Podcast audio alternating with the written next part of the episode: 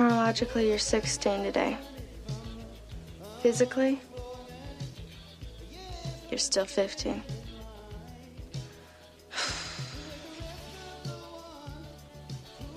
Hopeless. Nope. I look exactly the same as I have since summer. Utterly forgettable. No, I didn't expect to wake up transformed. I just thought that turning 16 would be so major that I'd wake up with an improved mental state that would show on my face. All it shows is I don't have any sort of a tan left. I better get downstairs. My family's probably pissed off I haven't let them wish me happy birthday yet. All right, I see it's go.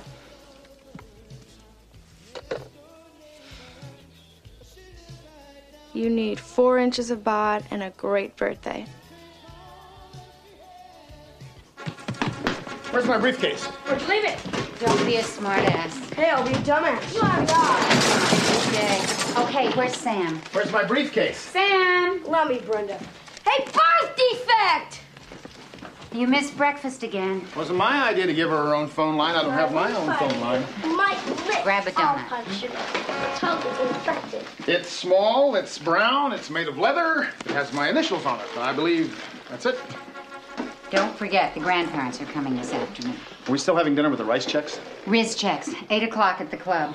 Oh, and you better learn their names as of tomorrow, their family. That's a lovely thought. Hmm. When it comes your turn to get married, do me a favor. Elope. Who'd marry her? Mr. T, Oh, I'm sorry. You'll have to buy lunch today. I didn't have time to fix your carrots. Yeah, well, she's only eating carrots to increase the size of her breasts. Mister, you had better shape up or you will miss your sister's wedding. Promise? Now, don't give me that pouty look of yours. You can eat your carrots when you get home. That's it? You don't have anything else to say to me today? What would you like me to say, Sam? Come on now, honey. You're going to miss the bus. Have a good day. I can't believe this. They fucking forgot my birthday.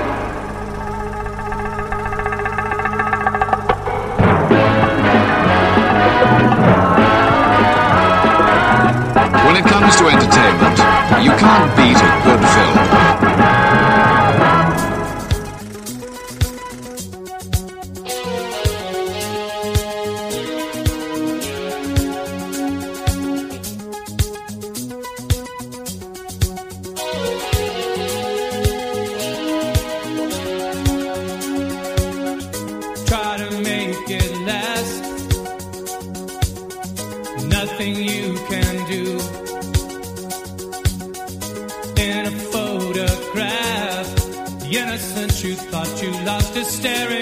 You.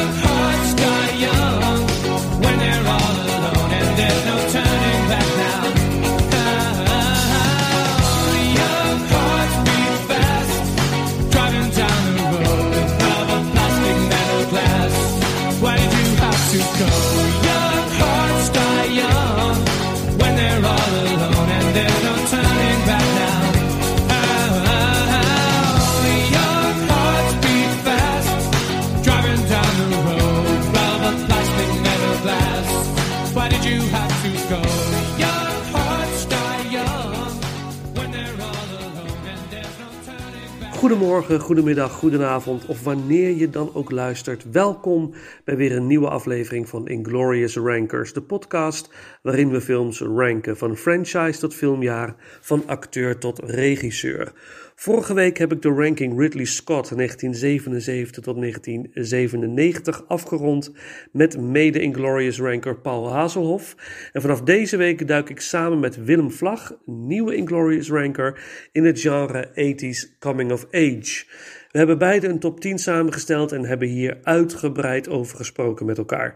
Na de intro hoorden jullie dan ook een track van een van de 80s coming of age films Young Hearts door Commuter uit de film The Karate Kid uit 1984. Er volgen nog veel meer 80s songs, filmfragmenten en muziek. Voor de liefhebbers vast een feest van herkenning. Natuurlijk zijn we ook benieuwd naar jouw 80s Coming of Age film top 10. Deel het met ons via de bekende social media kanalen. Deze week aflevering 1 en de komende twee weken volgen aflevering 2 en 3.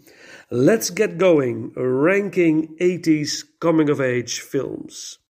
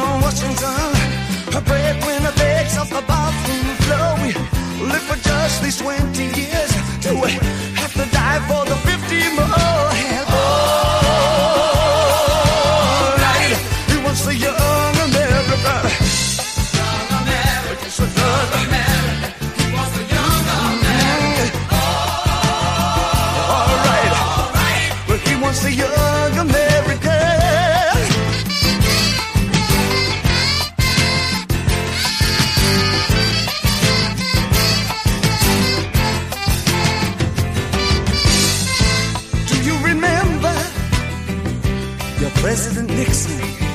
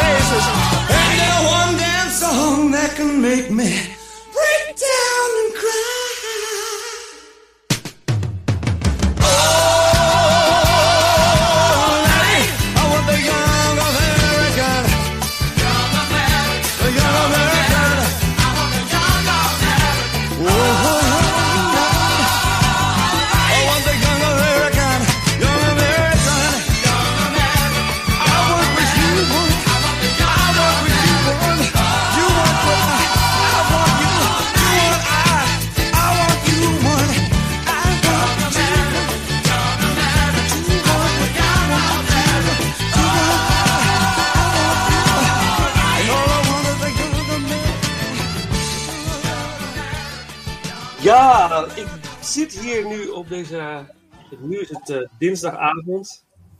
Eh, warme avond. Zwoele, nog enige, enige nazomeravond. En ik met mijn eh, lieve vriend en ook collega Wim. Willem, hoe ik je ook maar. Ja, sommige mensen noemen je Wim. Sommigen zeggen Willem, Willem Vlag. Ehm, kun je iets over jezelf vertellen, Willem, voordat we vertellen Ja. wat voor relatie tot elkaar hebben? Eh, ja, dat, dat kan ik wel. Ehm, ehm, ehm, ja, ik ben van beroep eh, eh, trainer. En dat ben ik, dat ben ik met- heel mijn wezen. Dus ja, zo, dat ben ik ook als ik niet aan het werk ben. Dan heb ik heel veel aandacht voor, voor de mensen om me heen. Ik ben heel nieuwsgierig. Ik heb, ik heb de neiging om met iedereen te bemoeien. En eh, ja, daar heb ik eh, gelukkig mijn werk van, eh, van kunnen maken. Ehm, en ehm, ik, ben, ja, ik ben net de 50 eh, gepasseerd. Dat vind ik ook wel een, een dingetje. De mensen om mij heen niet, maar ik wel. Ehm, Ja. En waarom ja. dan? Wat is dat dan? Waar, waarom is dat? Wat is het dingetje dan?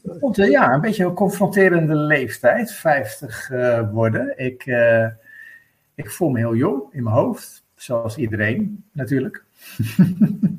maar ik merk, eh, ja, ik merk, eh, ja, ik merk dat ik toch echt 50 eh, ben. Dus ik, ik vind het heel leuk om met jonge mensen te, te werken. Ja. Ook in, in trainingen bijvoorbeeld. Hè? Ehm, ja, maar dat, de dag dat mensen automatisch u zeggen, hè, die, dat heb ik bereikt. Ja. Ja. ja, ik zit er ook een beetje tegenaan te hikken op dit moment. 45, dat mensen, ze zien hier een beetje je grijze haren. Nu in het, in het avondlicht is dat iets wat verbloemt, maar als de zon erop schijnt, dan eh, is het overduidelijk. Ja, ja. Maar, en maar je geeft trainingen, ja, en op die manier hebben we elkaar ook leren kennen natuurlijk. absoluut. Eh, bij, eh, ik solliciteerde bij een sociale onderneming in Rotterdam. Ja. Die eh, eh, zich bezig hield met het trainen en coachen van statushouders. Op Ja. weg naar hun eerste baan of opleiding in Nederland. Dat is kort gezegd wat, eh, wat we deden. Ik had een gesprek daar en toen ontmoette ik jou. Ik werd aangenomen en toen kregen we eigenlijk een hele leuke connectie met elkaar. We hebben samen training mogen geven. Ehm, ik was enigszins een ervaren trainer, maar jij had nog veel meer ervaring.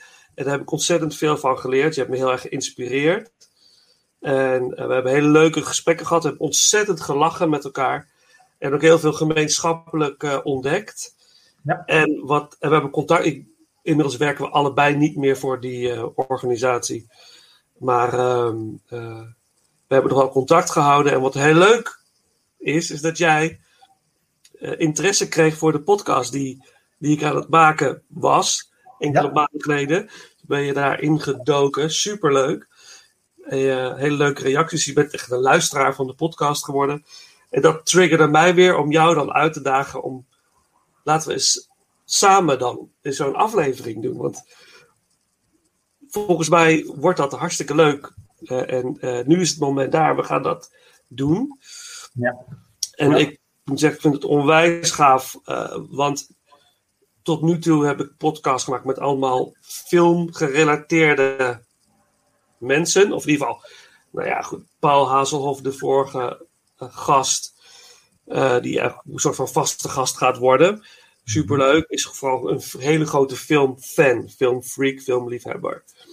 Eh, en dat ben jij ook.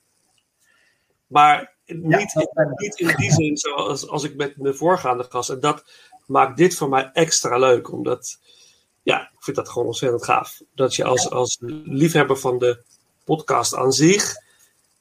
En liefhebber van films dit wil doen. Dat vind ik echt super leuk. Ja, ik hoop dat ik een beetje kan eh, eh, eh, verbloemen. Dat ik eh, misschien niet eh, tot in alle krochten. Ja, ik, ik, ik, eh, wat ik heel knap vind, eh, Vincent, in, eh, in een aantal afleveringen van jouw podcast, is hè, dat, dat jullie en jij een film weet te bespreken alsof je het hebt, alsof, alsof, je, alsof ik naar een wijnproeverij luister. Hè? Dus jullie heel veel lagen in films kunnen vinden. En, en dan, dan, dan gaan mijn ogen vaak, vaak open. hè, op de dingen die, je- die je bespreekt. Ja, ja, dat, dat zit erin. En eh, maar goed, ik, ik vond jouw uitdaging echt heel leuk. Ik heb hem ook met, eh, ja, met veel plezier aangenomen. En eh, ja, vervolgens ja, blijf je dan in de puinhoop achter. Hè, want dan heb je ja gedaan. Dan moet je het ook gaan doen. En ja, heb ik dus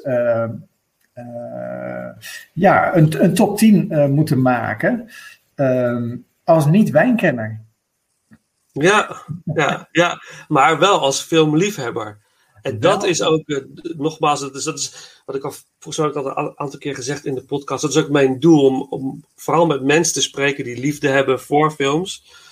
Wie het ook is. En eh, eh, daar gaat het voornamelijk om. En dat we samen gaandeweg ontdekken wat wij van die films vinden en waarom de films ons zo raken of juist niet. snap je? En ehm, daar gaat het om. En het lijkt me heel leuk om uiteindelijk een soort community te hebben van Inglorious Rankers. En dat je misschien eens een keer met drie of vier mensen zo'n eh, ranking kan doen. Dat lijkt me ontzettend leuk. Dus ehm, Een, een enorme eer. eh, eh, ja, ja. nou, nou ja, en we hebben het ons niet heel erg makkelijk gemaakt. Nee, hè? Nee. Niet echt, want wat.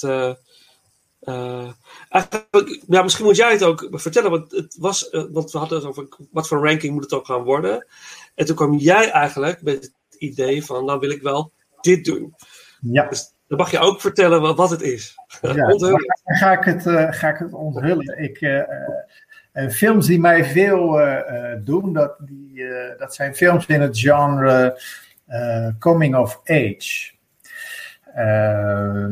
Dus, dus films waarin eh, eh, jonge mensen, kinderen, eh, tienerjaren, eh, eh, nou ja, echt met, met, de, met de grote mensenwereld in contact komen, zich gaan vormen met, met grote mensen-emoties. Ehm, ja, dat, dat vind ik een prachtig genre. En ehm, ja, in mijn eigen coming-of-age periode, ik ben van 1970, eh, ja, dat is voor mij de jaren 80. Ja. Eh, en ehm, ja, ik weet eigenlijk niet of dat precies zo is, eh, eh, Vincent, maar ik heb het idee dat er in de jaren 80 eh, toevallig superveel coming-of-age films gemaakt zijn. Hè? Films ja, waarin, waarin tieners ehm, ja, de boventoon voeren.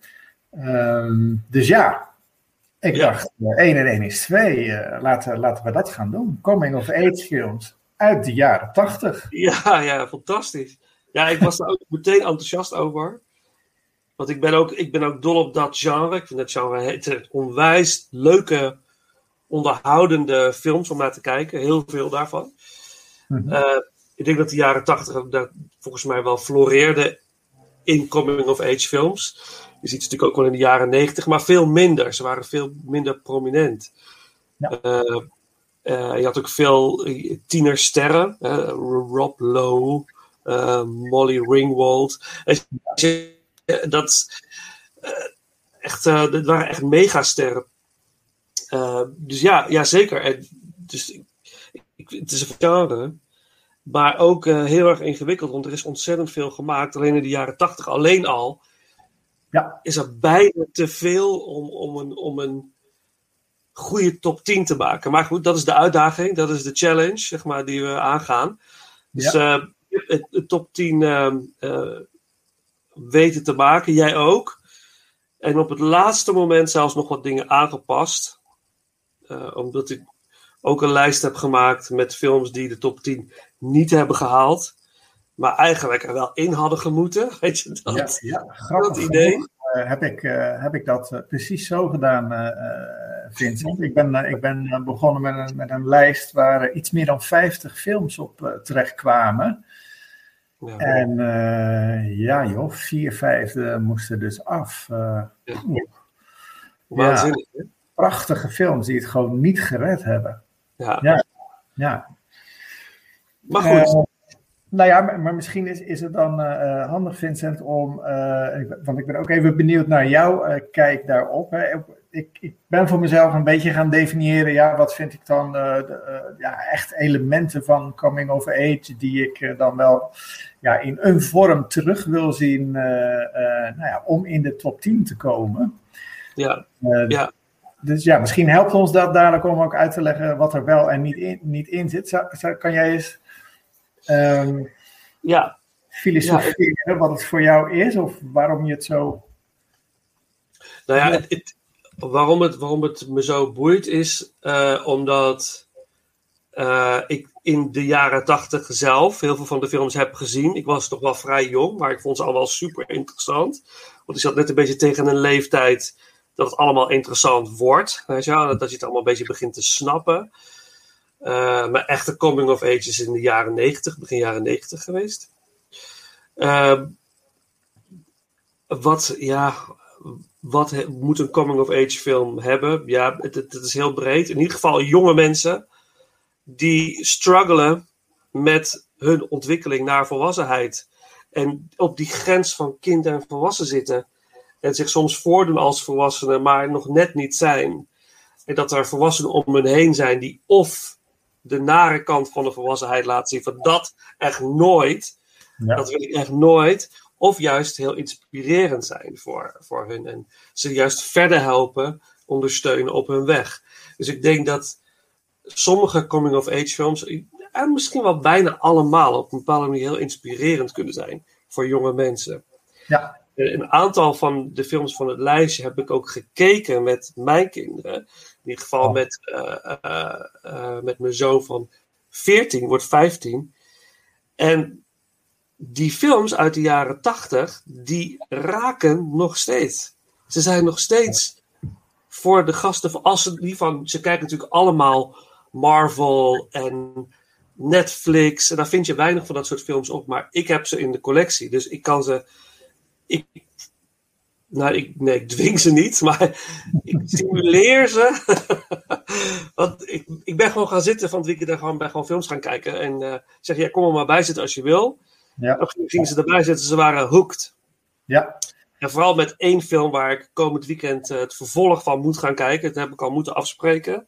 Oh. oh. Dat, eh, kunnen we, zullen we het zo over gaan hebben, over die film. Maar Ja. dat, deed, dat deed echt superveel met ze. Ze waren helemaal enthousiast. En mijn zoon vooral van één van de films die er ook in mijn lijstje staat, die komt ook voorbij.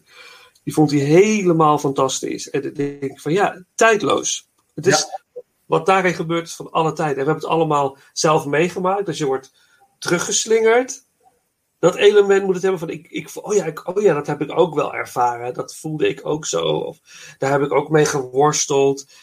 Eh, al, al die films hebben wel bepaalde elementen die ook terugkomen in je eigen leven. En, het is, Ja. En soms een misschien een beetje het verlangen om weer daar te zijn. Om het misschien opnieuw te ervaren. En het, snap je? Met het verstand van nu.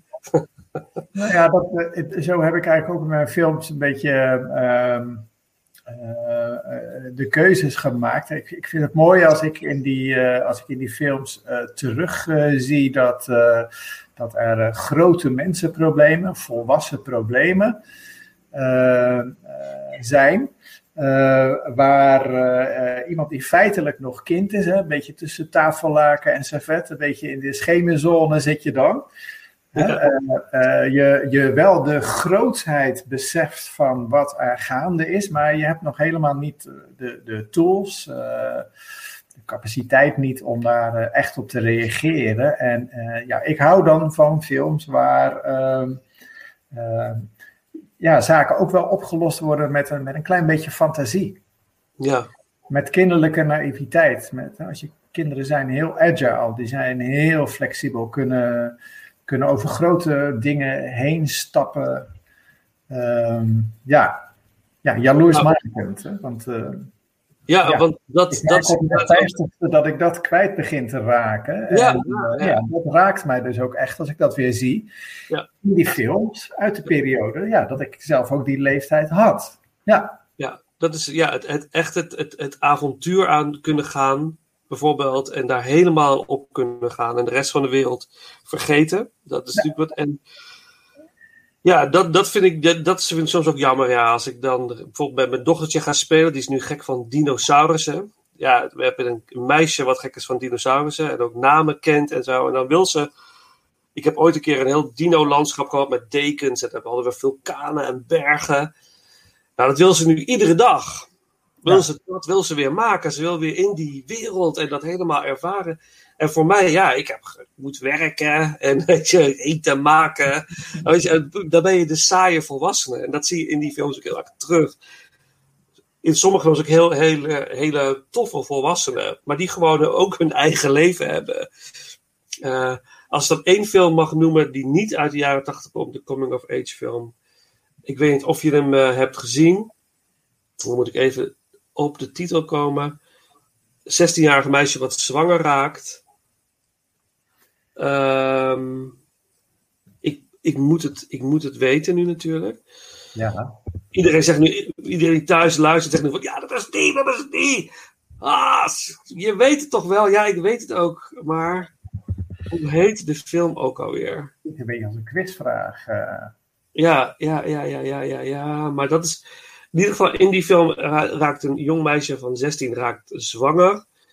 En eh, moet daarmee dealen. Ook met de, de, de toekomstige de, de vader van het kindje. Wat eigenlijk.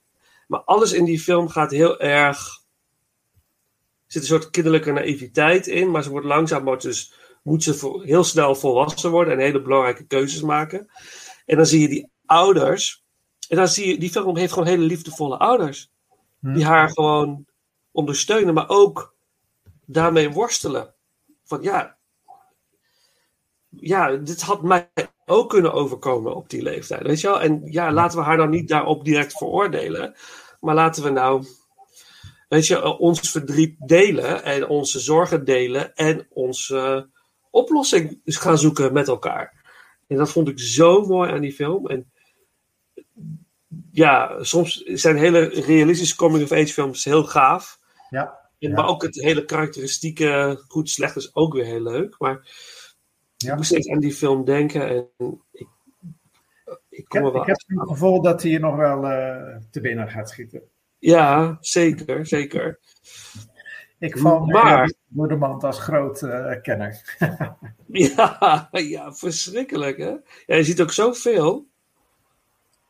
Eh maar laten we zo gaan aftrappen. Ja, even kijken. Oh, hoe heet hij nou? En het is. Ik ben nu. Juno. ha, Juno. Juno. Ja, uit 2007. 2007. Dat zou best kunnen. Ja. Juno. Ja, die film. Maar we, we gaan terug in de tijd naar de jaren 80. Ja, En ehm, nou, misschien moeten we eerst even het lijstje delen van de films die het niet hebben gehaald. Zullen we het doen?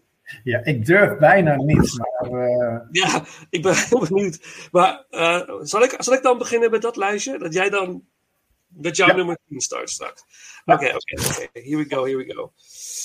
Oh, this is nasty. Oké, ehm, wat heeft het niet gehaald? First Bueller's Day Off. oeh, Come and See. Big.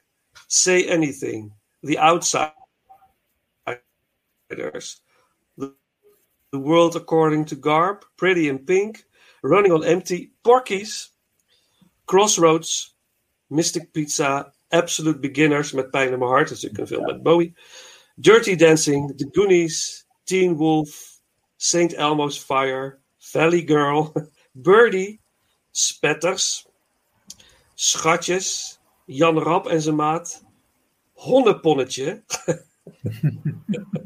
Christiane F., eh, Karate Kid Part 2, en 3 ook niet trouwens, Hotel New Hampshire, She's Out of Control, en met heel veel pijn in mijn hart, dat is like Dead Poets Society. Oei, oei, oei. Ja, ja, know, hè, het is verschrikkelijk. Wat staat er nog meer in, denk je haast. Ja. Oh, en nog eentje, ook met hart, Labyrinth. Heeft het ook niet gehaald. Ah, ja. ja. Ja. Ik, maar ik moet, eh, ik moet iets bekennen, Vincent. Heel veel van de films die jij eh, noemt staan dus eh, ook op mijn lijstje van die het niet gehaald Oh. hebben. Oké, Ja. spannend. Ja, ja. Oké. Kan, je, Ja. kan je je lijstje noemen? Ik, ik heb Ferris Bueller's Day Off, Dirty Dancing, The Lost Boys heeft het niet gehaald, Outsiders, eh, Blue Lagoon heb ik over getwijfeld. Oh, ik Lagoon. Comic of Age, jongens. Ehm, eh, Weird Science, nou toch net iets te melig. Mystic Pizza, ehm, St. Elmo's Fire, eh, Some Kind of Wonderful, Fame. Ehm, ik hoorde bij jou ook The World According to Garp. Heeft het bij mij ook niet eh, gered. Eh, ik noem nog even eh, uit het Nederlandse hoekje Siske de Rat. eh, heeft het bij mij niet gered. Bij mij ook niet. Footloose, niet gered. Ook niet, nee. En ik heb op het laatst, ja, ik durf bijna niet te zeggen, ik heb, ik heb Back to the Future er, eruit geknikkerd. Ehm maar ik heb wel omgeruild voor, voor iets heel moois. Oké, nou, Back to staat bij mij ook niet in. Nee, bij mij ook niet. En, eh, nee, zeker niet. Dus, oei. Oef. Wow, ja, maar zo zie je dat er is zoveel moois aan. eh, het wil dus niet zeggen dat, dat we deze fi- films niet oké vinden. Ja. Ze hadden best een plekje kunnen krijgen, maar ja. Ja. Hey, mag ik één ding noemen, Vincent? Eh, die staat, eh, die, die heb jij eh, ook niet in, je, in je lijst. Maar ik, ik zou heel even speciale aandacht willen hebben voor een, voor een serie waar ik in die tijd helemaal verslaafd aan was. Ehm, ik weet niet of, je, of de naam Kevin Arnold, het jongetje Kevin Arnold, jou iets zegt. De hoofdrolspeler in The Wonder Years. Prachtig. Wonder Years, ja. Begon Ja. altijd met eh, Joe Cocker en With a Little Help of My Friends. En, eh, en dat was gewoon eh, een, de oudere Kevin Arnold die, nou ja, gebeurtenissen uit de jaren 70 en 80 eh, vertelde. En hoe hij daar als jongetje op reageerde. En wat maakte dat voor jou zo speciaal? Eh, ik vond, ik vond de, de muziek in, in heel veel afleveringen eh, fantastisch. Eh, maar ook de, de, de heimelijke liefde tussen Kevin en, en zijn buurmeisje. Maar ook ehm, eh, de volwassen Kevin Arnold, die, nou ja, als, hoe noem je dat, als, als, als stem, zeg maar, dingen mooi in perspectief plaatste. Hè. Dan hoef je niet alles in een scène uit te spelen, maar komt dingen dan heel mooi, eh, ja, het was heel, heel nostalgisch eigenlijk. eh, Gaaf. ook, hè? Ja. Ik, weet wel van de Wonder Years, maar ik, heb dat niet zoveel gekeken als kind. Ik zat meer in de, in de Who's the Boss en zo. Mhm. Oh, dat is ook eind jaren 80, denk ik. Na 85. Eh, en zo, die eh, eh, eh, Full House, dat was een beetje waar. Was de Wonder Years, was dat niet? Het was een serie bij, eh, in Nederland kwam die bij de VPRO. VPRO, ja. Ja, ja ik weet wel Ja. van het bestaan ervan. Ja, ja. Leuk. Een hele, handige mix tussen geschiedkundige, hm, aan Canadese-Amerikaanse geschiedenis eh, uit de jaren 70, 80. eh, nou ja, door de ogen van een, eh, een opgroeiend eh puberjongetje. Ja, Met gaaf. een pesterige oudere broer. Nou, dat wil ik even genoemd eh, hebben. Geen film. Ja. Ja, helemaal goed. Ja, is het nog terug te kijken, de Wonder Years, ergens, weet je dat? Eh, ik, eh, ik, ik zou je dat niet kunnen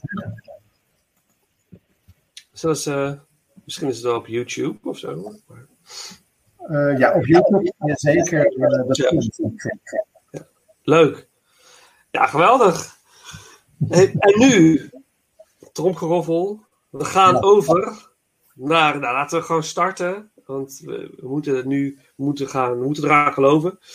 Ehm, Oké, dan zou ik zeggen, laten we dan aftrappen met jouw nummer 10. Ja, laten we dat. eh,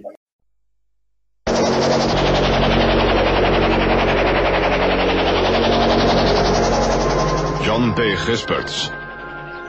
3rd Squadron, basis Vandenberg. Gedraag je behoorlijk. Denk aan je carrière. Zijn vrouw Danny. Ik laat me door niemand meer op de kast jagen. Ook niet door je kinderen, hè? Hun dochter Madelon. Hun zoon Thijs. Dat is sfeer hier in dit gezin. Voor zover u überhaupt nog van een gezin kunt spreken. Is er iets mis met deze mensen? Constante gezang. Eigenlijk al vanaf het moment dat jullie konden praten. Dat die sfeer altijd al kut met peer is geweest. Zeg is dan er nodig? Ga maar verder. Jij onderbreekt me en ik weet weer eens niet wat je bedoelt. Vraag dan niet of ik hier een beetje met de kinderen alles ga zitten Ze bedoelt je taalgebruik, jongen. Dat vindt ze kloot. Schatjes. Wat is er met je gezin? Niks. Hun strijd tot het bittere einde. Ze hebben één probleem. Dan zeg je het ze toch gewoon wat die kinderen nou weer hebben uitgevreten. Ze wonen bij elkaar onder één dak. Gerotega? Nee, niks. Geldzorgen? Alles oké met je vrouw? Ja, ik zou niet weten wat... eh, Elke dag achter de batterij? Wel eens wat gedonder over de kinderen. En gewoon, dat heb je overal. Is het wraak? Hoe ver zullen ze gaan om hun doel te bereiken? Dat betekent dat nu de zaken er zo voor staan, ik vanaf vandaag, de 26e, je moeder is getuige, ik elke pesterij, elke poging van jullie kant om ons het bloed onder de nagels vandaan te treiteren, met gelijke munt zal terugbetalen. Wie slaat het hardste terug? Ook normaal soms. Frans die bent. Schatjes. De twijfel.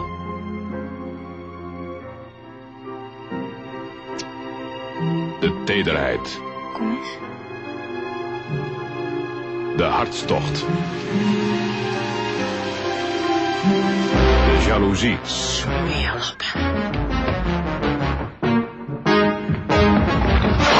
De blinde woede. In schatjes. Vannacht slaap ik in mijn eigen bed. Wie is de sterkste? Onvoorstelbaar. Heiligt het doel alle middelen.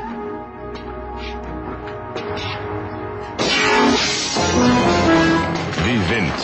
Wie verliest? Godverdomme, stel! Strijd toch! Die...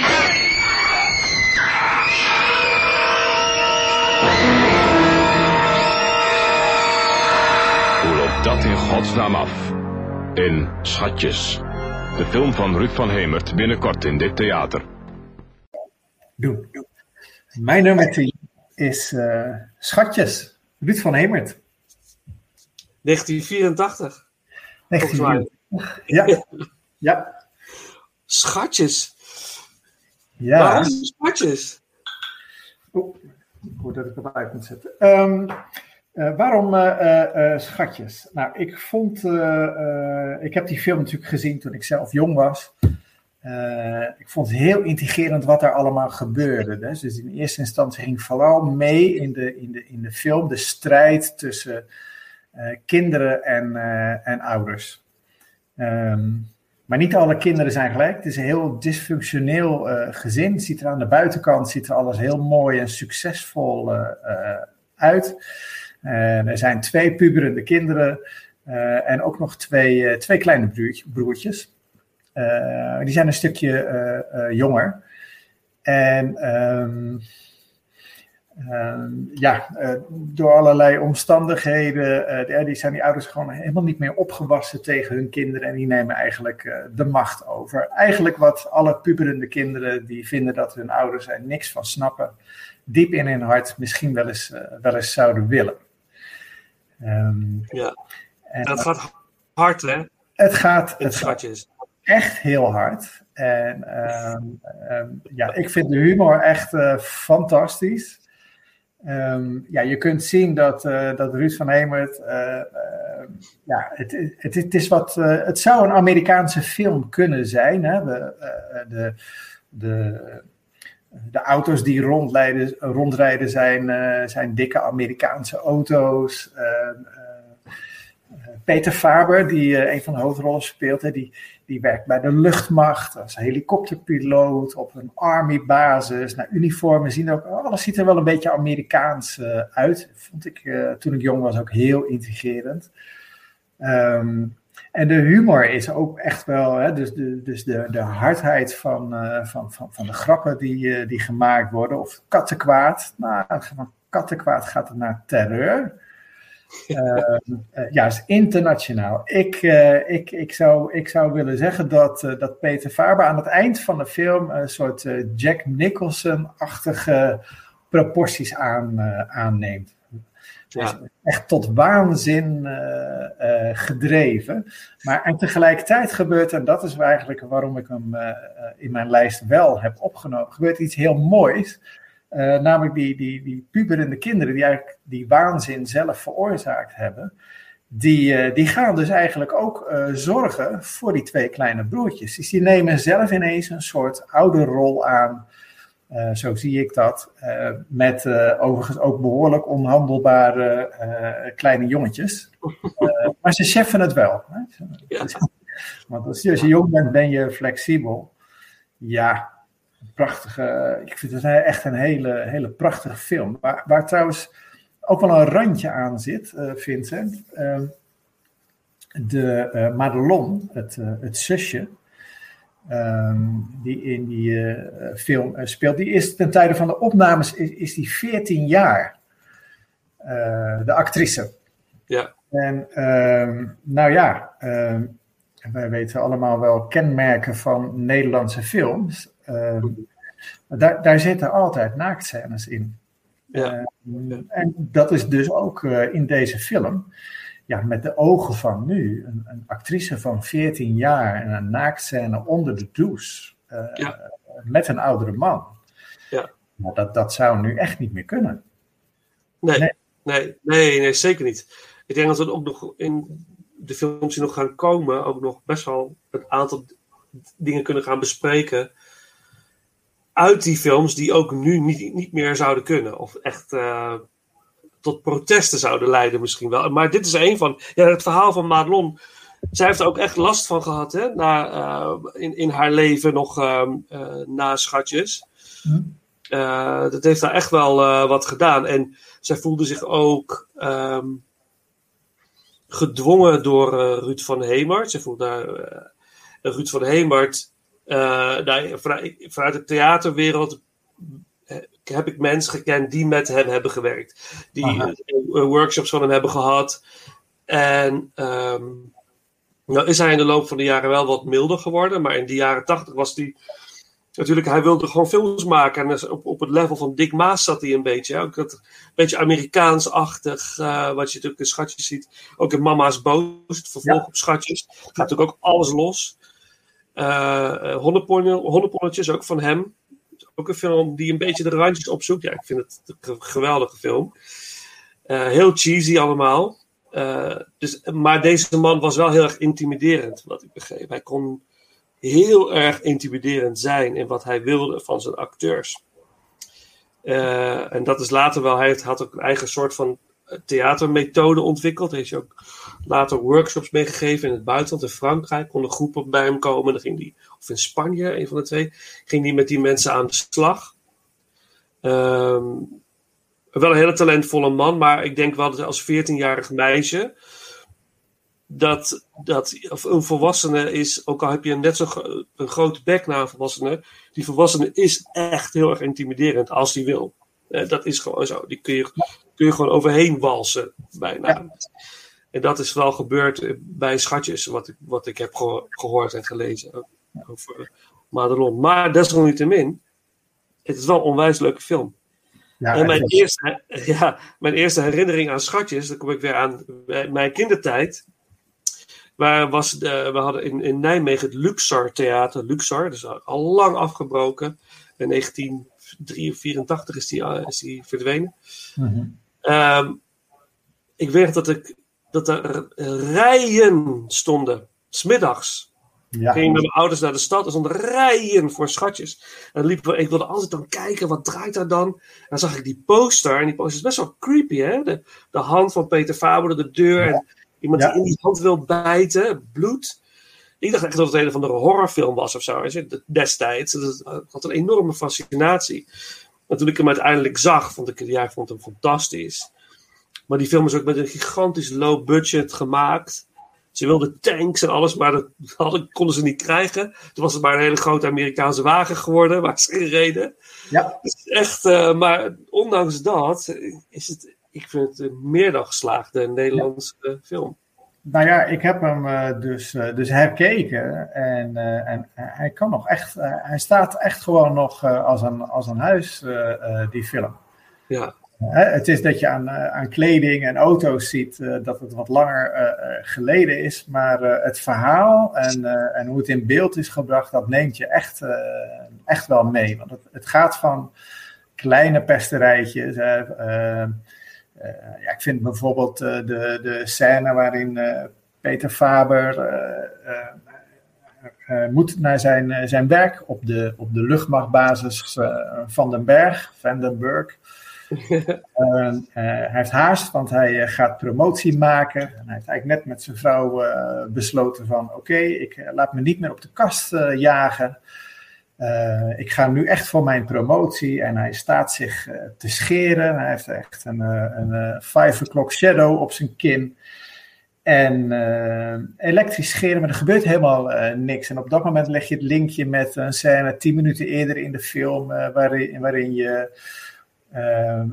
Thijs, zijn zoon, eh, de, de mesjes uit het scheerapparaat ziet halen. Dus het, het- alles bromt en werkt, maar er zitten geen mesjes eh, eh, eh, in. En eh, Peter Faber speelt de scène eh, fantastisch, hè, want hij is eigenlijk in een, in een gesprek, terwijl hij echt heerlijk staat te klojoen met, met voelen van, ja, maar hè, staat mijn baard er nou nog steeds? Ja, ik, ik, eh, nou ja, dat zijn zo van die kleine geintjes in het, eh, in het, in het begin. Ja. Maar goed, dat, dat loopt uit in bomaanslagen, eh, het barricaderen van het huis eh, en zelfs eh, een van de kleine broertjes, die, die schiet nog bijna de baas van, van de heer des huizes, gespeeld door Rijk de Gooier, met een Gooier, pistool ja. neer. Ja, die denkt dat hij met een waterpistool aan het spelen is, maar die, die schiet bijna Rijk de Gooier uit het zolderraam. Ja, fantastisch. Ja, geweldig. En ze eindigen natuurlijk eh, onder de grond, toch? Ze worden helemaal inge, ingemetseld bijna. Door, of cement wordt over ze heen eh, gestort. Ja, eh, ze, in een wilde achtervolgingsscène, de, de kinderen ontsnappen in een van de auto's, rijden ze inderdaad bij wegwerkzaamheden in een, in een diep gat wat stom toevallig net gevuld wordt met zand. Ja, een eh, iconische laatste scène in die eh, film. Hè. Er zit een militair vlaggetje op eh, die auto. En eh, dat vlaggetje, ja, dat steekt op de snelweg nog boven de weg uit. De volgende ochtend zie je het nieuw stuk cement met dat vlaggetje, wat dan langzaam plat gereden wordt. En ja, vervolgens wordt er dan geschreven wat er van die kinderen geworden is. Ja, ja, mooi. Ja, geweldig. Ja, ik raad hem zeker iedereen aan. Vooral als je hem nog nooit hebt gezien. Ga, geef het een kans. Een onwijs leuke Nederlandse film. Ehm, muziek ook door Ruud van Hemert, gecomponeerd. Ja. En ehm, nou, ik sta voor om gewoon dan nu te gaan luisteren naar een stukje muziek uit eh, Schatjes. Ja, perfect. Door, eh, door, door Ruud van Hemert. En dan gaan we over naar mijn nummer 10. Oeh, spannend.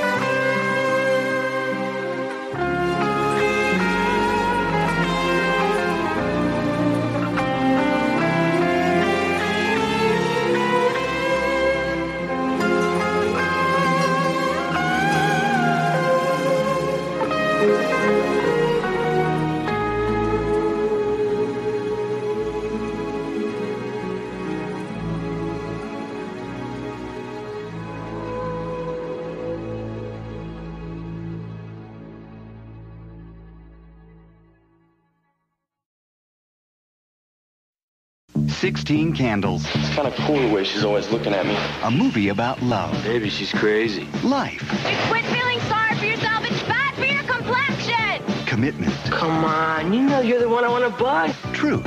Last night at the dance, my little brother paid a buck to see your underwear. and the most important day of her life. 16 Candles. This is getting good. Rated PG.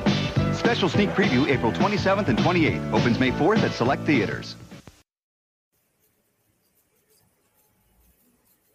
Yes, mijn nummer 10. Ja, ja, ja, ja. Daar- Ik moet er nu aan gaan geloven. Oké, mijn nummer 10 is voor 16 Candles.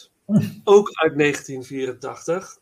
Van de coming-of-age regisseur uit de jaren 80, waar we nog veel meer over zullen gaan praten. John Hughes. Ja, John Hughes. Ook geschreven door John Hughes. 16 Candles. Ehm, met eh, zijn muze bijna wel, Molly Ringwald. Ja. Die later in de jaren 80 afstand van hem ging nemen. En dat, die, eh, dat vond hij heel erg. Want hij wilde nog veel meer films met haar maken. Maar zij wilde als actrice doorgroeien en andere dingen gaan doen. En, eh, dus, Molly Ringwald, hele mooie dame. Heel karakteristieke figuur. Ja, ja, Niet de, de natural beauty of zo, maar wel iets heel moois heeft ze. Eh, eh, dat, dat, ja, ik vond het ja, mooie dame, Molly Ringwald. Eh, ook met Anthony Michael Hall. Die speelt er ook in, een hele jonge Anthony Michael Hall natuurlijk. Eh, dit- is ook een echte coming-of-age film. Het is heel kort gezegd het verhaal. Molly, Molly Ringwald speelt Samantha. Zij wordt eigenlijk soort van wakker op haar 16e verjaardag. Ze staat op. En dan blijkt dat niemand in het gezin, want ze heeft dus natuurlijk haar ouders wonen daar en ze heeft een oudere zus en een jonger broertje. Een heel vervelend broertje ook met heel nasty opmerkingen. Echt een beetje totaal niet in de gaten hebbende wat voor emotionele schade die toebrengt aan iedereen in het huis. Eh, maar goed, niemand we- weet dus dat ze jarig is. Ze zijn het allemaal vergeten. Ja. En, eh, want er is een belangrijke dag, de volgende dag na de 16e verjaardag van Samantha gaat de oudere zus trouwen. Met een of andere Italiaanse maffia-figuur. Ook why, maar fantastisch. Echt hilarisch. Eh, en alle focus ligt eigenlijk daarop. Ze denken alleen maar aan dat trouwen. En vervolgens volgen we die Samantha op de dag van haar 16e verjaardag op school. De worsteling met het feit dat ze 16 wordt. En eigenlijk een feest had willen krijgen van haar ouders. Dat doet haar verdriet. Maar dat probeert ze naast zich neer te leggen. Ze probeert zich stoer voor te doen. En ze krijgt dus te maken met, met de vlinders in de buik. De, de, de, de, de, de nieuwsgierigheid naar seksualiteit. Ja. Krijgt, eh, wordt verliefd op, op een van de, van de populaire jongens van school. Eh, een minder populaire jongen van school is verliefd op haar. En wil, wil niets liever dan eh, haar hart winnen. Maar dat doet hij heel erg onhandig. Dat gebeurt allemaal. En ondertussen ja, vraag je je de hele tijd af. De eerste, de eerste helft van de film, althans, vroeg ik me af. Van, zijn ze haar verjaardag echt vergeten? Of krijgt ze straks een gigantische Sweet 16 party? Ja, Maar- met die auto en... eh, Ja, ja, ja, als een soort climax. Maar ze zijn het gewoon echt vergeten. En dat vind ik wel echt fantastisch. Dat ze het gewoon echt zijn vergeten. En Ja. dat ook zo mooi is dat op een gegeven moment de scène is dat, dat eh, en dan weet je zeker dat ze het vergeten zijn. Dus dat haar moeder de dag na de, eh, de ochtend, of nee, de avond, volgens mij, de avond van haar 26-jarige nog ge- biedt ze haar excuses aan. Ja. Dat ze, eh, en dan is best wel een emotionele scène die de studio er eigenlijk uit wilde hebben. Maar John Hughes zei nee, die moeten in.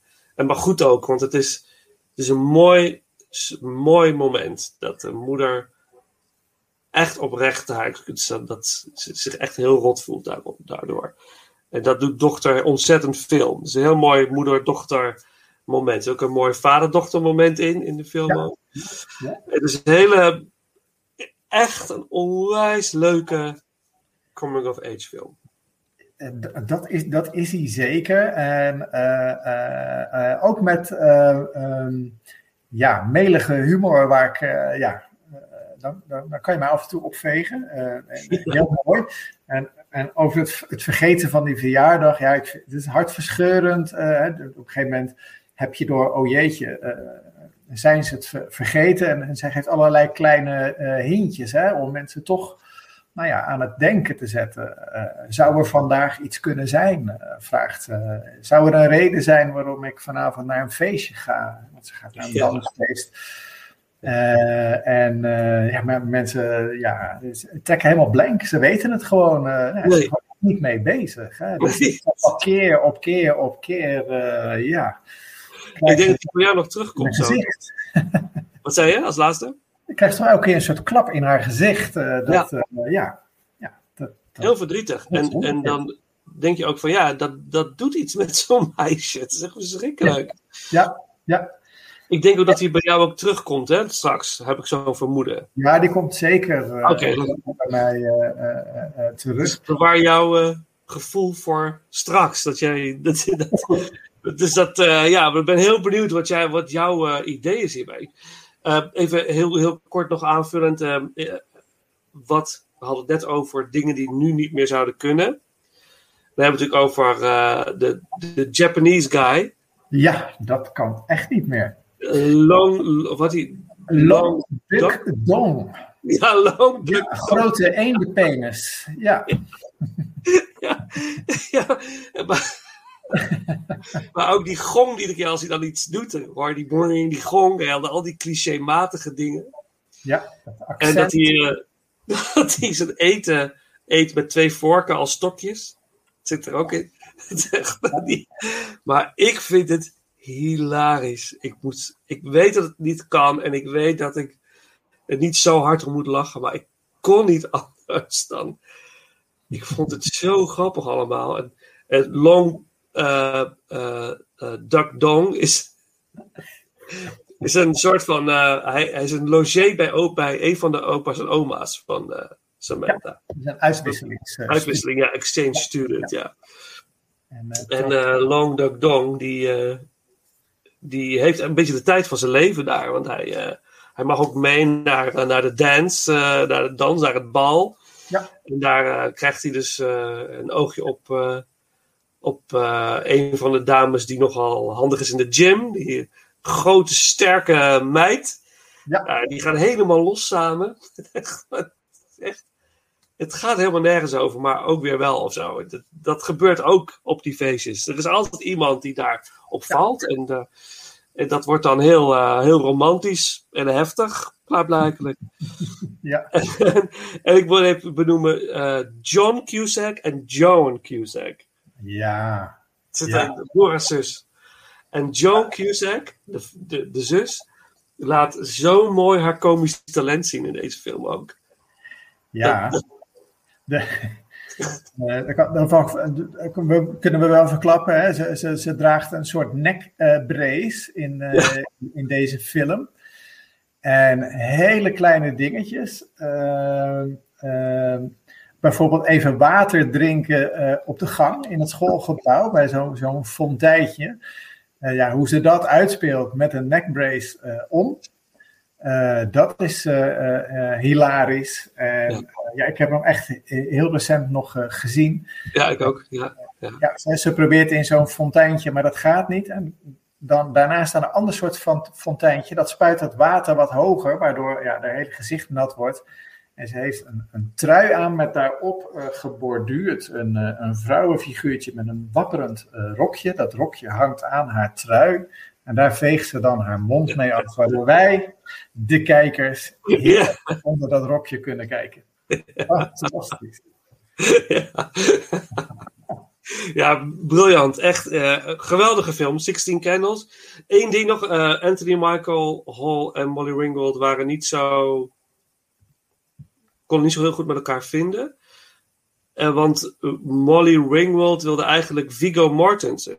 Die had ook auditie gedaan voor die rol. En die wilde ze eigenlijk, want die had, had wel een klik mee, want daar kon ze haar ogen niet van afhouden. Dat was, dat was beter. Maar uiteindelijk ehm, heeft John Hughes ze laten bonden in een record store. En hadden ze gelijksoortige muzieksmaken. Ze waren natuurlijk allebei super jong.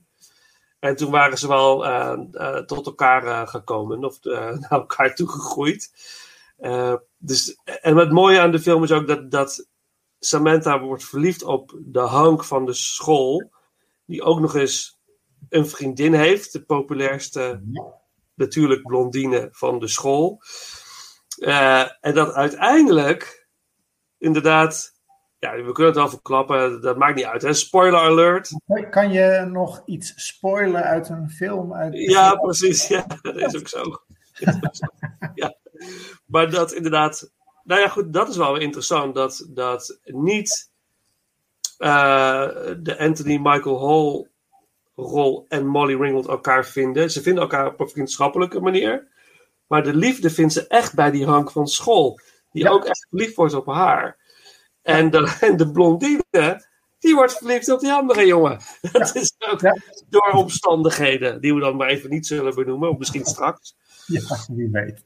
Dus, eh, ja, ja, ja geweldige, geweldige film. Maar we komen er zo nog op terug, want bij jou staat het dus ergens anders in de top 10. Maar wel Eh, een- eh, leuk dat we dat, eh, dat hij allebei bij ons de top 10 heeft gehaald, eh, vind ik. Ja, te gek, te gek. Ja, we, ehm, sowieso. Ik had al een soort van, we hadden het net al voordat we gingen opnemen het erover. Eh, David Bowie, Young Americans, hebben we al gedraaid. Dat is ja. geweest. dus ehm, eh, ik zou dan graag kiezen nu voor het nummer 16 Candles van de Stray Cats. Ah. En, dan, en dan over naar jouw eh, nummer 9. See you on the other side. Yes.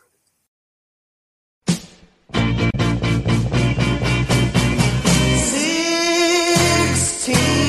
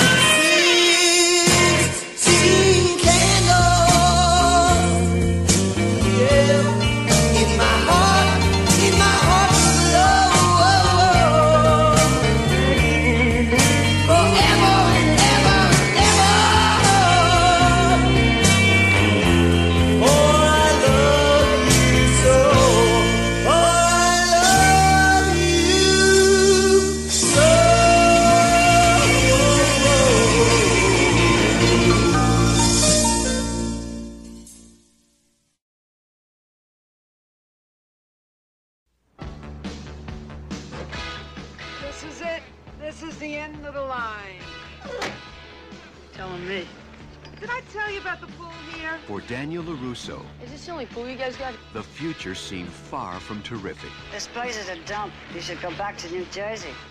Hey, I know it's hard, but we're not quitters, are we? Until he met the right girl. And I. She's beautiful. I say she's beautiful. I think she's beautiful. Is that your address? You got it. But that only angered the wrong guy. You know, Oaks Country Club at 9.30. Definitely. You gotta be nuts. And his troubles really began. Dad, push it. I'm not even gonna pay. Then, in one man, he found a teacher. I promise teach karate. And a friend. Fighting always last answer. How did you do that? Don't know. First time. Power. Whole body. Yeah. Make a perfect picture. How do I know if my picture's the right one? If come from inside you, always right on. Lesson about the balance, not just karate. Lesson for whole life. Why train? So I won't have to fight. Hey, Karate Kid, let's see the move. No points or no points? You're dead meat. I don't have much of a cheering section. You got me. In the end, it will be in Daniel's hands. In his body.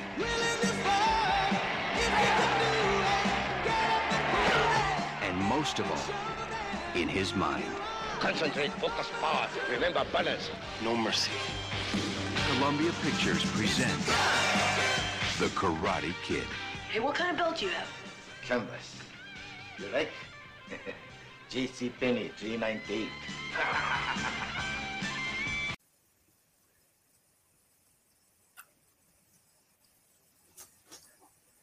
Ja, nummer 9. Je vertelde mij net, en eigenlijk aan iedereen, dat deze film eh, jouw top 10 niet heeft gehaald. Bij mij wel. Ik heb op nummer 9 The Karate Kid staan. Ah, oh, je staat ook in mijn top 10 hoor. Oh, toch? Ah. Ja, maar, hij, maar deel 2 en 3 niet. Nee, nee, nee. Nou, nou vind ik heel vaak hè, dat, eh, dat eh, delen 2, 3, 4, 5, 6 uh, alleen maar minder eh, wordt. Nee, dit, de klassieke, originele Karate Kid, ja, dat is, ja, dat is mijn nummer 9. Ehm, ja, ik, ik, ik, ik heb deze film ook echt in de bioscoop gezien. Eh, eigenlijk op aanraden van, eh, van vriendjes, want deze film was nou, echt super populair, al heel snel toen die uitkwam. Hè. Die moest je gezien hebben. Ik, eh, ik, ik kan mij zelfs nog herinneren dat eh, ik zelfs enige interesse in karate eh, kreeg. Na het zien van de film was dat weer afgelopen. Ik dacht, dat kan ik nooit. Eh, maar, maar dit is eigenlijk het, eh, het verhaal van een, eh, van een jonge man die eh, nou, aan een, eh, aan een eh, nieuw leven gaat eh, beginnen. Niet omdat hij dat wil, maar omdat zijn, eh, zijn moeder een, eh, een baan geaccepteerd heeft in een nieuw plaatsje. Eh, en zij, zij paait hem met eh, nou ja, dat het daar heel mooi moet zijn, eh, dat het een, eh, een, eh, een huis is in een complex waar ook een zwembad is en dat hij het daar zeker leuk gaat hebben. En nou je merkt dat hij daar eigenlijk niet zo'n zin in heeft, alles achterlaten. Eh, het, het zwembad valt ook enorm tegen, dat is eh, helemaal groen of leeg, eh, nou ja, in ieder geval niet, niet, niet bruikbaar. En nou ja, hij gaat dan ook naar een, een, een nieuwe school. En eh, nou, in allerlei ver- verwikkelingen eh, krijgt hij ook eh, een, een, een oogje op een meisje. En het meisje in kwestie nou ja, had een relatie met een, in mijn ogen, eh, rijke, stoere Bink. Ehm, en ja, dan gaat het verhaal los, want ja, hij wil graag achter het meisje aan. En haar ex-vriend eh, ja, accepteert dat niet, accepteert überhaupt niet eh, dat die relatie eh, over is. Dus dat wordt, dat wordt ruzie, dat wordt vechten. En ja, dan zou hij zich moeten leren verdedigen. En hij heeft in, enige interesse in, in, in karate. Ehm, probeert dat eh, vanuit een boek te leren. En ja, dan komt een prachtige scène. eh, de huismeester in, in, in het nieuwe huis waar zij wonen, waar van alles mis is, die, die komt het oplossen. En dat, dat blijkt een Japanse meneer te zijn, Mr. Miyagi. En ehm, ja, die heeft kennis van, eh, van karate. En uiteindelijk is het dus zo dat eh, Mr. Miyagi eh, gaat, eh, gaat onderhandelen. De jongen waar, eh, waar hij ruzie mee heeft, ehm, die, eh, die zit op een karateschool. eh, waar, eh, is natuurlijk mooi typerend in die film, hè, iedereen, de, de, de docent een zwart pak draagt. Dus dat, dat echt wel iets, hè, dat, ja, dat is toch een kant van, van, van karate die ja, gewoon wat minder sportief is. Nou ja, eh, het moet uitdraaien op een wedstrijd. Mr. Miyagi zegt, nou goed, dan eh, we hebben twee maanden de tijd en dan vechten we het uit op een eindtoernooi. En, eh, maar in die twee maanden zou je hem met rust moeten laten. En vervolgens in de film zie je dan, nou ja, hoe, hoe de hoofdpersoon karate gaat leren. Ja, op een prachtige manier. Ik kan me nog echt herinneren dat ook ik dacht, ja, maar wat jij aan het doen bent, wat jij moet doen van Mr. Miyagi, dat heeft helemaal niets met karate te maken, lijkt wel. Je moest eh, auto's wassen, maar op een bijzondere manier. De, de, de quote, wax in, wax out. De- cirkels maken met, eh, met de handen. Ja. En eh, daarna moest hij eh, de vloer schuren, sand the floor. Eh, ook weer een soort cirkels met, met zijn handen maken. En of dat nog niet genoeg was, kreeg hij daarna paint the fence. Hè? ook op een bepaalde manier. En uiteindelijk bleken dat natuurlijk ja, allerlei technieken te zijn om, nou ja, waarmee je in karate jezelf kunt verdedigen. Ja, Ja. prachtige scènes. Ach, Ja, ja, ik eh, zal. Ja, dat is wel heel, heel leuk natuurlijk, want hij staat mij ook op nummer 9. Ach, waar? We, de- ja, we delen deze nummer 9. Dat vind ik wel heel cool. Dus dat, dat, eh, maar eh, ver- vertel even, misschien is het leuk dan, vertel jou, waarom is de film zo speciaal voor jou? Wat, wat, wat doet hij met jou dan? Misschien ook de karate, in- dus je denkt, "Wauw, het inspireert mij om. Nee, nee karate eh, is het niet. Misschien is het wel. eh, nou, ik, ik ben eh, zelf eh, opgegroeid zonder vader. En eh, dus dat herkende ik eh, eh, ja, in die tijd eh, aan de situatie. Ehm, en ook een beetje dat je dan dus eh, eh, ja, zo'n vaderfiguur mist. In ieder geval een mannelijk figuur in, in je leven die eh, ja, je toch eh, helpt. Ehm, in dit soort ja, fysieke situaties, zou ik maar zeggen. Nee, ik was ook niet zo'n zo'n eh, held. En eh, met alle respect, hè, mijn, mijn moeder is meer van het type, nou ja, los het pratend op. En eh, nou, ik herken ook wel in deze film, ja jongen, dit los je niet pratend op, wat hier gebeurt. Nee, nee. Ehm, en eh, hoewel ik niet vind dat Mr. Miyagi een soort vaderfiguur wordt, want hij blijft een beetje een mystiek, ja, Japans, letterlijk andere cultuurfiguur. Maar het is wel iemand die veel respect afdwingt. Hè? Ehm, ja, dat, dat vond ik heel mooi. Eigenlijk een soort, eh, ja, eh, ze adopteren elkaar. In de film blijkt dat eh, Mr. Miyagi vrouw en, en een kind verloren is. Ja, goed, waar, waar, waar de vader is van de jongen in kwestie, dat, dat is even onbekend. Maar zij vinden elkaar dus op dit gebied. Ja, die, die, die ontwikkeling van die relatie, dat vind ik echt heel mooi.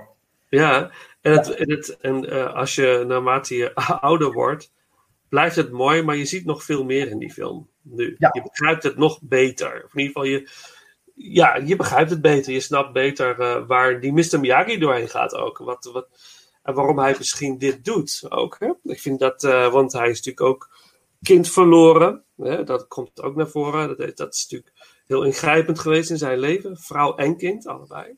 Ja. Tegelijk, soort van. Uh, en dat is natuurlijk heel, uh, een heel emotioneel ding in de, in de film. Maar misschien is het dan leuk, want omdat, het, uh, omdat we allebei op nummer 9 hebben staan. Als we er nu één stukje muziek tussendoor doen. En daarna vertel ik over, over wat het, de film voor mij dan weer eh, betekent. Ja. En dan lijkt het me leuk om dan nu tussendoor te doen eh, het nummer Moment of Truth eh, van Survivor. En aan dat lied zit ook een beetje geschiedenis, want ehm, eigenlijk zou dit nummer worden gebruikt voor Rocky 3. Eh, want Rocky 3, die, eh, dat, eh, Stallone die wilde dus inderdaad de band Survivor moest een aantal nummers maken voor hem, voor Rocky 3. En dit was eigenlijk het nummer wat ze wilden gebruiken totdat die Eye of the Tiger hoorde. En toen dacht ik, nee, wacht even. Dat is hem. En, maar goed ook, want het is natuurlijk iconisch geworden. Maar Moment of Truth is wel blijven hangen. Het is vervolgens gebruikt in Karate Kid. Ook omdat de regisseur van Karate Kid, John G. Avildsen, is de oorspronkelijke re- regisseur van de eerste Rocky-film. Dus je had ook een connectie met Stallone. En zo is dat allemaal een beetje gaan lopen. En uiteindelijk is Moment of Truth in Karate Kid eh, terechtgekomen. Niet zo'n grote hit als eh, Eye of the Tiger. In Karate Kid 2... eh, ehm, Pow- de, eh, eh, hoe heet het nummer volgens mij? Ja, The Power of Love volgens mij, door Peter Cetera. Dat is wel een enorme hit geworden. En ik moet zeggen dat ik heel erg lang liefhebber was van Karate Kid 2. Was voor mij echt... Ja, ik vond die film echt fantastisch. Maar ik, ik zie nu echt wel heel duidelijk dat dit de betere is van de twee. Hoewel ik deel 2 ook echt wel enorm kan waarderen. Ik vind het echt super gaaf. Maar deze film, ja, we gaan het er zo verder over hebben. Laten we eerst Survivor erin gooien met Moment of Truth. En dan daarna, voordat we naar nummer 8 gaan, doen we nog een stukje muziek uit Karate Kid. Gewoon omdat het kan.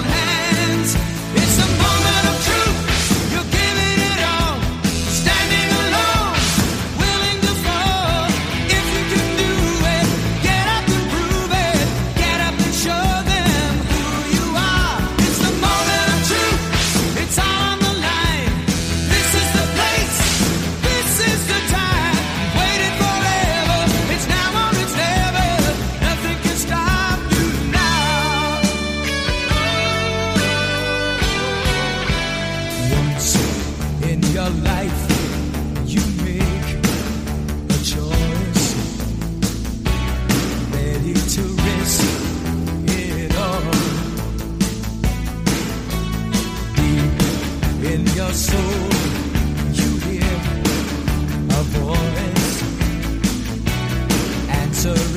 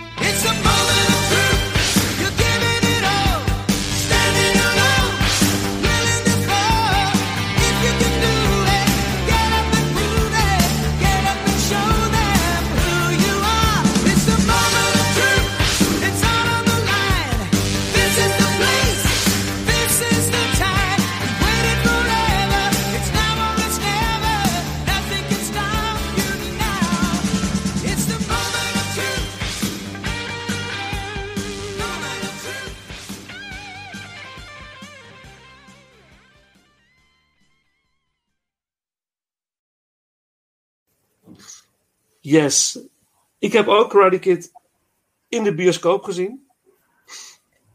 In het Luxor Theater, waar, waar we het net over hadden. Schatjes. Nou, die draaide in het Luxor Theater vlak voordat die bioscoop ging sluiten. Hij zou worden afgebroken. Dus dat is de laatste film die daar draaide.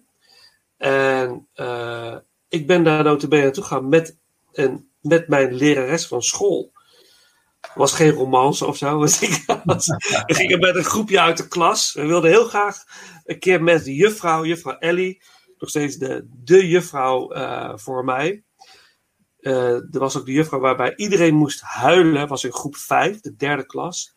Iedereen moest huilen om weg te gaan in de zomervakantie. Van we willen eigenlijk nog niet weg bij juffrouw Ellie, maar moest.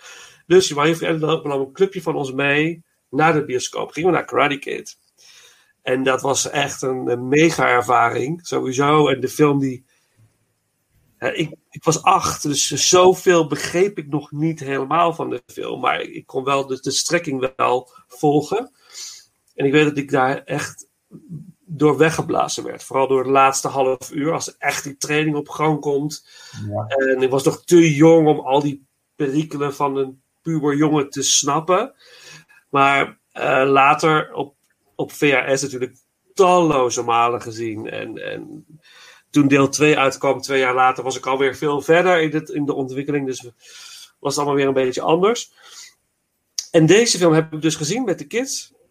Van het voor, eh, afgelopen weekend. Uh, of ja, nee, weekend daarvoor.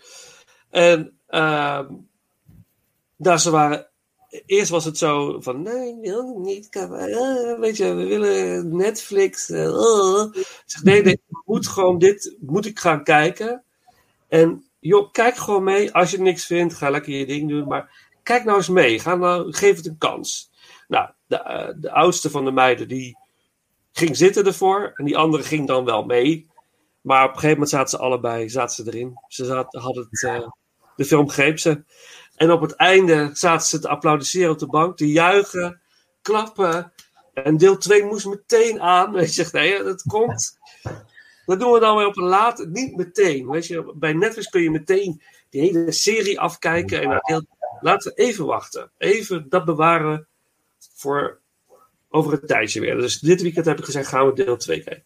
Maar dat is heel knap, uh, Vincent, omdat uh, uh, vergeleken met huidige films, als je ziet hoe de, de, de, snelheid hè, van, van deze films, dus, ja, sommige scènes zijn, nou ja, die, die, die gaan wat langzaam, maar, maar, maar sleutelscènes, en dan noem ik even specifiek het eindgevecht, hè, dus de, er wordt heel lang, zeg maar, heel stilletjes toegewerkt naar de, de kraanvogeltrap. Ja, ja. Die, die Daniel, zo heet hij, alleen maar kan doen eigenlijk omdat hij nou ja, te gewond is geraakt. nou ja, ik, ik wist natuurlijk dat die scène ging komen. Ik, ik heb de film herbekeken. Hij staat klaar. Hij uh, trapt het is raak, de jongen valt neer, einde film. Ongeveer, hè?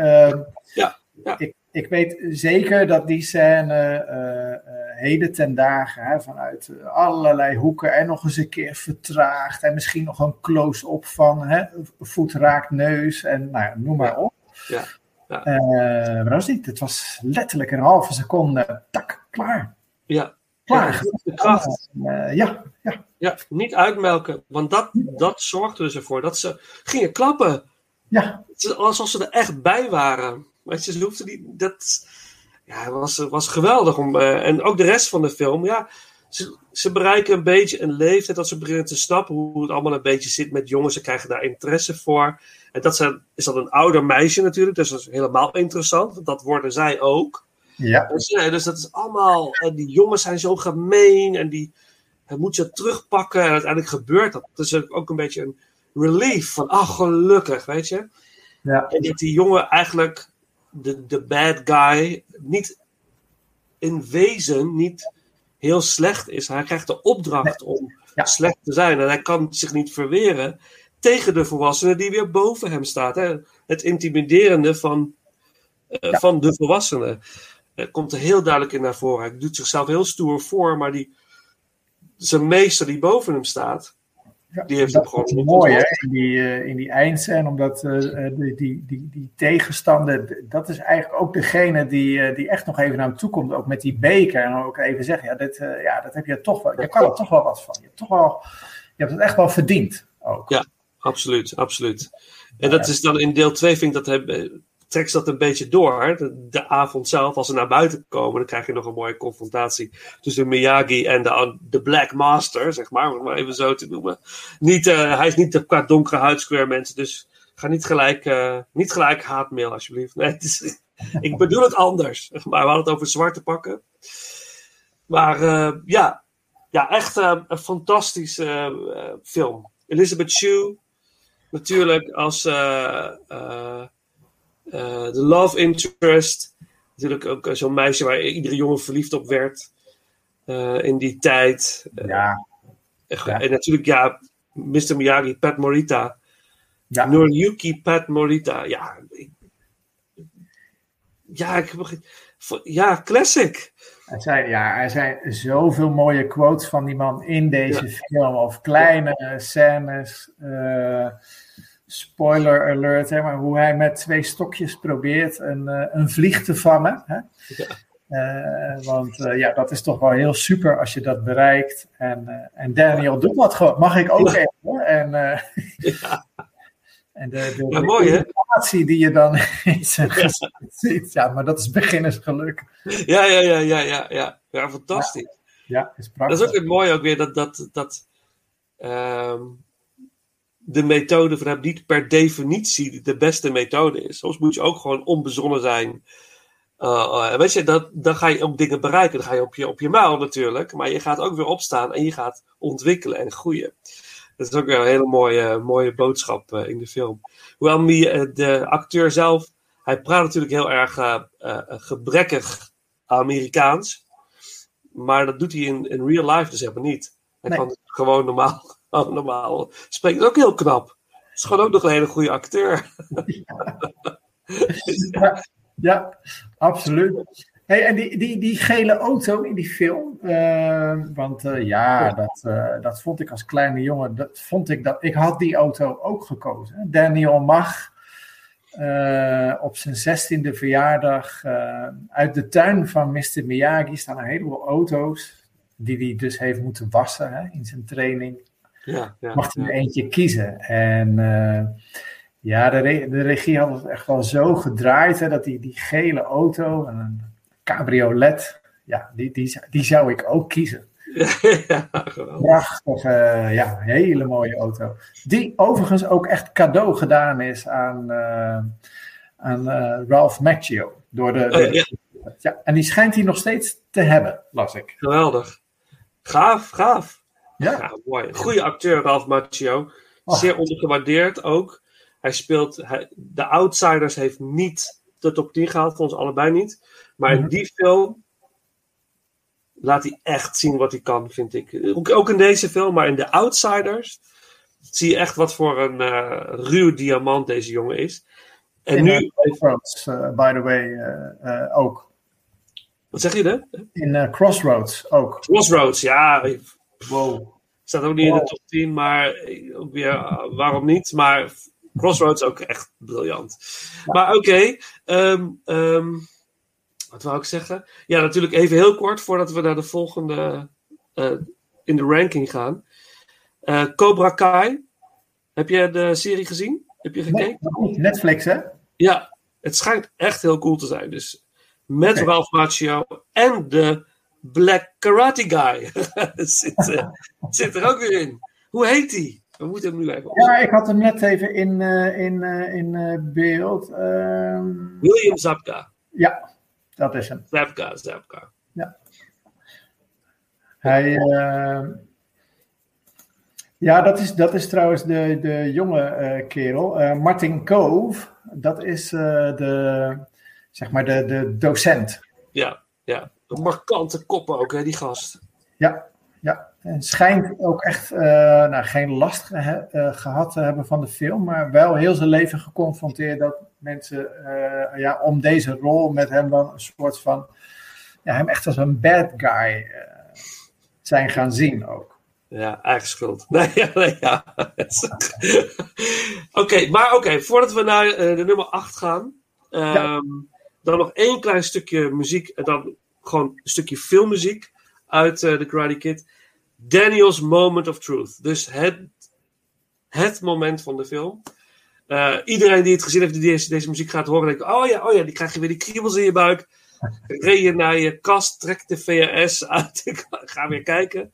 Dus nog steeds eh, quite the experience, zeggen ze. Dus ehm, muziek van Bill Conti, die ook de muziek maakte voor de Rocky-films natuurlijk. Vandaar ook weer die link met Stallone, de regisseur John, John J. Avildsen. Dus Daniel's Moment of Truth. En dan, uh, nou ja, jouw nummer 8 dan, in dit Ja. geval.